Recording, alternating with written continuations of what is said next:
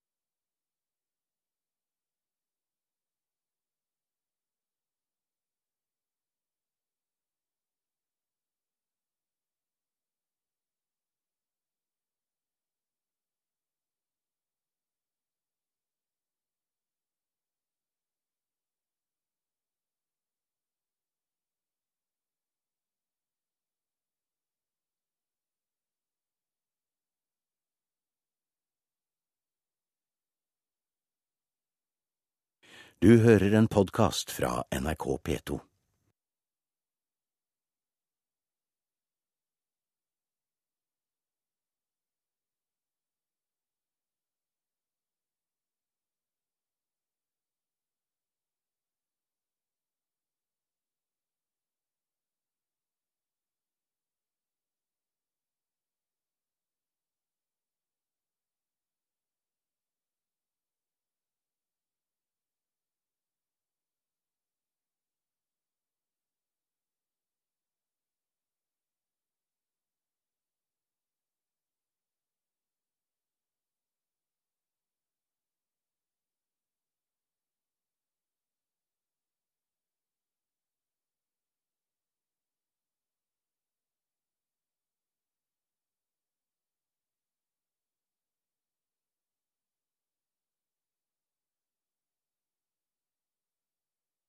Du hører en podkast fra NRK P2.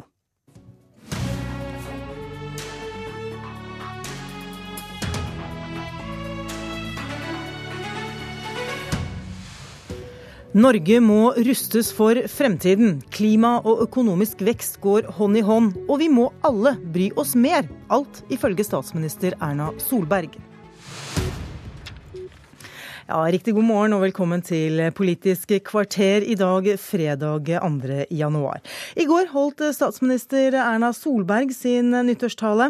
En tale der viktigheten av å bry seg, internasjonale forhold, klima og velferdsløft her hjemme sto sentralt. Erna Solberg, velkommen og godt nytt år. Godt nyttår. Takk. Eh, det var en tale, mm, nyttårstale i går som eh, nevnt, som var preget av dette med viktigheten av å bry seg internasjonale forhold og, og velferdsreformer her hjemme. Hva var viktigst for deg å få sagt i denne talen? Altså, Nyttårstale er jo en litt vanskelig tale, for den skal ikke være så politisk. Men, og jeg mener, jeg mener det er en god, det er et god grunn til å minne om at vi alle kan gjøre en forskjell. Eh, for det er utrolig mange mennesker som gjør en forskjell hver dag for andre. Eh, som gjør det eh, i frivilligheten, de gjør det i store idrettsarrangementer. Men de gjør det også i det daglige. Og når vi ser i en del av disse små og store hendelsene som er i Norge, så har vi mye kraft. Og kvaliteten på vårt samfunn dreier seg også om at vi tør å være noe for andre, og være noe mer enn oss selv. Og det tror jeg er et viktig budskap å ha, ikke minst i forhold til kampen mot en del sosiale problemer vi har. Mobbing er et av de største vi har. Eh, det fratar barn og unge barndom, gleder. Det setter arv for resten av livet. Da er det viktig at vi alle i vårt samfunn slår ned på og bryr oss om at mobbing er blant de tingene vi må stoppe. Mm. Du sier at den skal ikke være så politisk, men likevel tema, tematikkene og temaene i en nyttårstale er jo ofte politisk fundert. Også mobbing. Politikerne kan jo også gjøre en forskjell der. Gro Harlem Brundtland holdt jo sin tale i 1996 med nabokjerringa som handlet om å bry seg. Hvorfor har man ikke da klart å gjøre noe med mobbing på snart 20 år? For det, for det, er et arbeid du kontinuerlig må gjøre. Det er noe du ikke kan stoppe opp. Jeg vet at uh, den gangen uh, Bondevik og Kristin Clemet lanserte mobbemanifestet, så så vi resultater på skolene i de årene som kom etterpå. Så senket man kanskje skuldrene og trodde at man hadde skapt en ny kultur, men dette er en kultur som skapes hver eneste dag. Og det gjør at du kan ikke regne med at du fjerner det en gang for alle. Hver eneste generasjon. Hver, vi må ha en runde hele tiden for, for, for å passe på dette. Og mobbing skjer blant barn og unge, men det skjer også blant voksne. Eh, og eh, eh, det å føle at du hører til, det å ikke oppleve utestengelse, som ofte ikke tenkes på som en form for mobbing, er faktisk også en måte å frata folk selvrespekten som gjør det vanskelig. Og det, det dreier seg om å være årvåken selv. Noe som helt klart er politikk, klima. Det ble et sentralt tema i talen din i år, og mange har eh, bifalt nettopp eh, det. Eh, du sier at Norge skal være ambisiøse, og at vi ikke nødvendigvis trenger å tenke på en klimaavtale. Men, eller ikke tenke på, men at vi ikke trenger å vente på at klimaavtalen er klar. Hvorfor kan du ikke være mer konkret når du omtaler f.eks. utslippsmålene til Norge? For det første så skal jo vi levere en, eh, en eh, Altså våre posisjoner og våre egne mål eh, i form av en melding til Stortinget som vi skal ha tilslutning til før vi går og annonserer den på den store klimakonferansen før juli 2015. Og vi har sagt at vi skal annonsere dette i løpet av tidlig, altså første halvår i år. Eh, og da vil du være konkret ja, på utslippsmål? Da må vi være mer konkret på utslippsmålene og på hvordan vi skal ta vårt bidrag i det. Derfor så jobber jo vi med det. Derfor er det for tidlig for oss å annonsere konkrete utslippsmål nå. Eh, vi har eh, annonsert denne behandlingsmåten til Stortinget i revidert nasjonalbudsjett i fjor, og kommer til å følge den. Når det gjelder våre konkrete mål, så er det husk at vi har konkrete mål for 2020. Vi har også et veldig konkret mål for 2050. Vi skal være klimanøytrale i 2050. Det det nå dreier seg om, er jo hvilke mål setter vi for 2030. Og da er jo utfordringen at vi må både se hvilket rammeverk er rundt oss.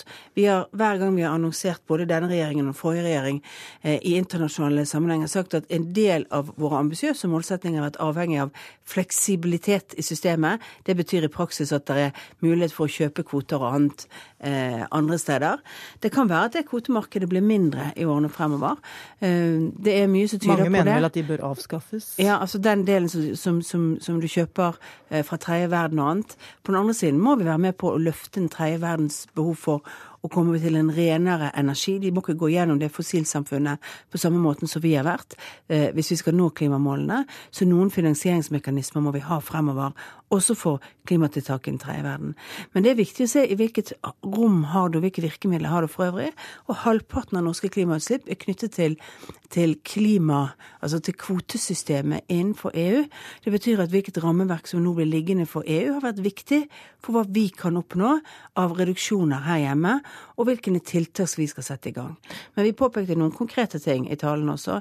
Det er en mye større satsing på kollektiv i årene fremover. På jernbanesatsing. Det er å sørge for mer klimateknologi. For, for vi kommer ikke til å brekke denne overgangen til et grønnere samfunn uten at norske bedrifter, norske gründere, er med på det laget og skaper de nye alternative og grønnere arbeidsplassene. Jeg tenkte jeg skulle høre med deg om nettopp dette med mm, jernbaneutbygging og kollektivtrafikken. Betyr dette at veiutbyggingen nå er lagt på is? Nei, det betyr det ikke. Og det er fortsatt sånn at i et langstrakt land som Norge, så vil vi ha behov for bedre veier. Vi vil ha behov for, for, å eh, bygge sammen landet på en bedre måte, for å få ned kostnadene for, for norske bedrifter. Men rundt de store byene trenger du et kollektivløft. For vi skal altså ikke løse veksten i de store byene med at folk kjører bil. Vi skal løse det med at de i dagliglivet sitt bruker kollektiv bedre. Da må vi ha et helt annet kollektivsystem enn det vi har i de største byene i dag. For de som reiser i rushet, om det er i Bergen, Oslo, Stavanger eller annet, de vet at det er fullt på det tilbudet vi har i dag. Du, internasjonalt, eh, bl.a. Russland, eh, som du i talen fordømmer eh, deres handlinger overfor Ukraina. Men dette har vel også vært kjent tidligere. La meg spørre deg, hva forventer du av Russland i 2015 som, som nabo av, av dette landet? At de følger opp den avtalen de gjorde i Minsk i september. Eh, den eh, skulle være en avtale med steg for å gå videre i konflikten mellom Ukraina og Russland. Det er det holdepunktet vi har. Eh, det har ikke Russland fulgt opp. Det bør de følge opp. Det er vårt internasjonale samfunns konkrete håp om at de skal kunne klare å komme videre basert på den.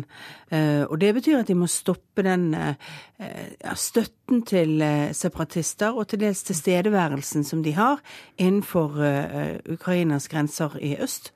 De må på en måte gå inn i andre spor i årene fremover. Men etter jeg, talen til Putin, har du noe tro på Nei, altså, altså det som er utfordringen med Russland, er jo at vi ser et, et mindre forutsigbart eh, land enn det vi har sett tidligere. Eh, og Putin kan, vil selvfølgelig holde høy retorikk. Spørsmålet er om det økonomiske presset, også med den fallende oljeprisen, kommer til å bidra til at presset på Putin internt om å bedre forholdet også til Vesten vil bli større, og at han vil forsøke å lete etter veier ut. Men det er jo ingenting i den retorikken eller den nasjonalismen som har utviklet seg i Russland, eh, som, som, eh, som, tyder på at, at, han, at, han, at retorikken vil gå ned. Spørsmålet er om handlingene vil bli bedre enn det vi har sett de siste, siste halve ja, tre kvart årene. Nasjonalt igjen, eh, politiske vyer og visjoner. Det kommer ikke noen eh, Man skal kanskje ikke trekke frem noen ny månelanding her, det, det er kanskje like greit. Men eh, ingen nye politiske reformer eller vyer her, Solberg. Har dere ikke det? Jo da, vi har jo mange reformer og mye som kommer neste år. Eh, jeg, og jeg brukte jo tid til å snakke om én som jeg er veldig glad for at vi har gjennomført fra 1.1, eh, nemlig retten til, eh, for de som er sterkt funksjonshemmede, til selv å bestemme gjennom en brukerstyrt personlig assistanseordning, som da blir lovfestet rett hvis du har et stort hjelpebehov. Jeg mener at det er en velferdsreform for funksjonshemmede. Det, snak, det dreier seg om verdighet. Og jeg foreslo dette altså i 2005. Det var et av valgløftene våre eh, den gangen. At valgfriheten også skulle gjelde de som trengte det kanskje mest. Og eh, nå får de det, eh, og det er jeg veldig glad for.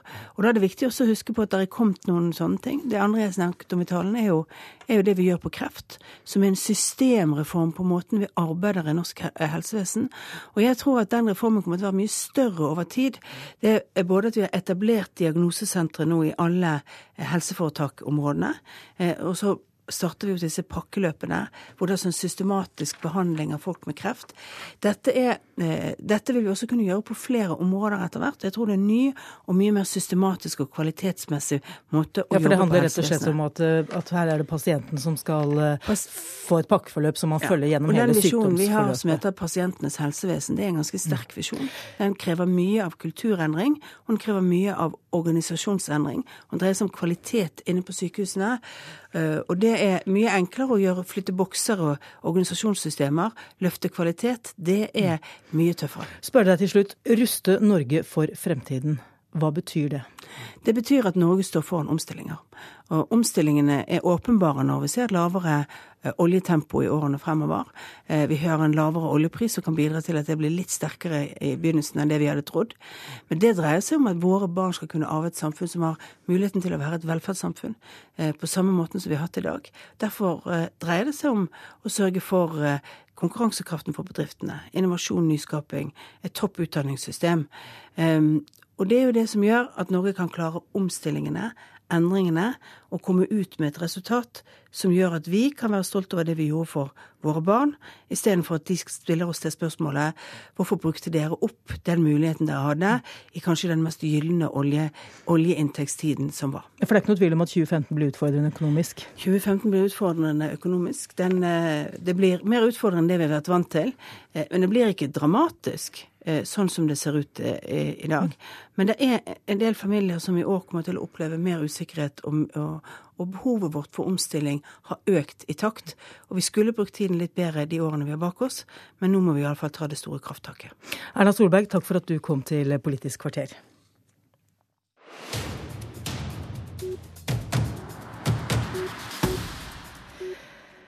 Det var en utdypning det, av eh, statsministerens eh, nyttårstale i går. Lars Nehru Sand, politisk kommentator her i NRK, velkommen. Eh, er dette en tale som vil bli husket for noe? Den har jo ikke den, det ene begrepet, den konkrete visjonen eller noe annet som gjør det, den lett å bli, bli knagget på eh, fremover. Det er en ganske typisk nyttårstale i den tradisjonen vi er vant til. Eh, som Solberg selv snakker om, så har hun eh, dette ta vare på hverandre-budskapet som, som, mange nyttårs, eh, eller mange statsministre har snakket om før. Den nevnte Brundtland med nabokjerringen. Stoltenberg har snakket om hverdagsheltene som gjør et lite land stort. Bondevik om mobbing mobbing både i skole og arbeidsplass. Så, sånn sett så er det en av mange nyttårstaler, eh, og den er heller ingen tale som nødvendigvis bringer verken statsministeren, Høyre eller regjeringen eh, på offensiven inn i et eh, lokalvalgsår. Solberg var jo selv inne på det. Det er en vanskelig tale å holde. Den, skal på en måte ikke være, den er ikke veldig politisk, men skal også være en slags oppsummering. Hva er politisk mest spennende i denne talen? Jeg grep veldig fatt i setningen 'Norge har et ansvar for å gjøre en forskjell i arbeidet for å begrense klimaendringene'. Her eh, rydder statsministeren all tvil til side om at vi er et eh, lite land med, med relativt sett liten del av de globale klimautslippene. Hun sier vi har et normativt ansvar, og bygger dermed opp forventningene til hva Norge eh, vil og skal gjøre eh, med det vi kan.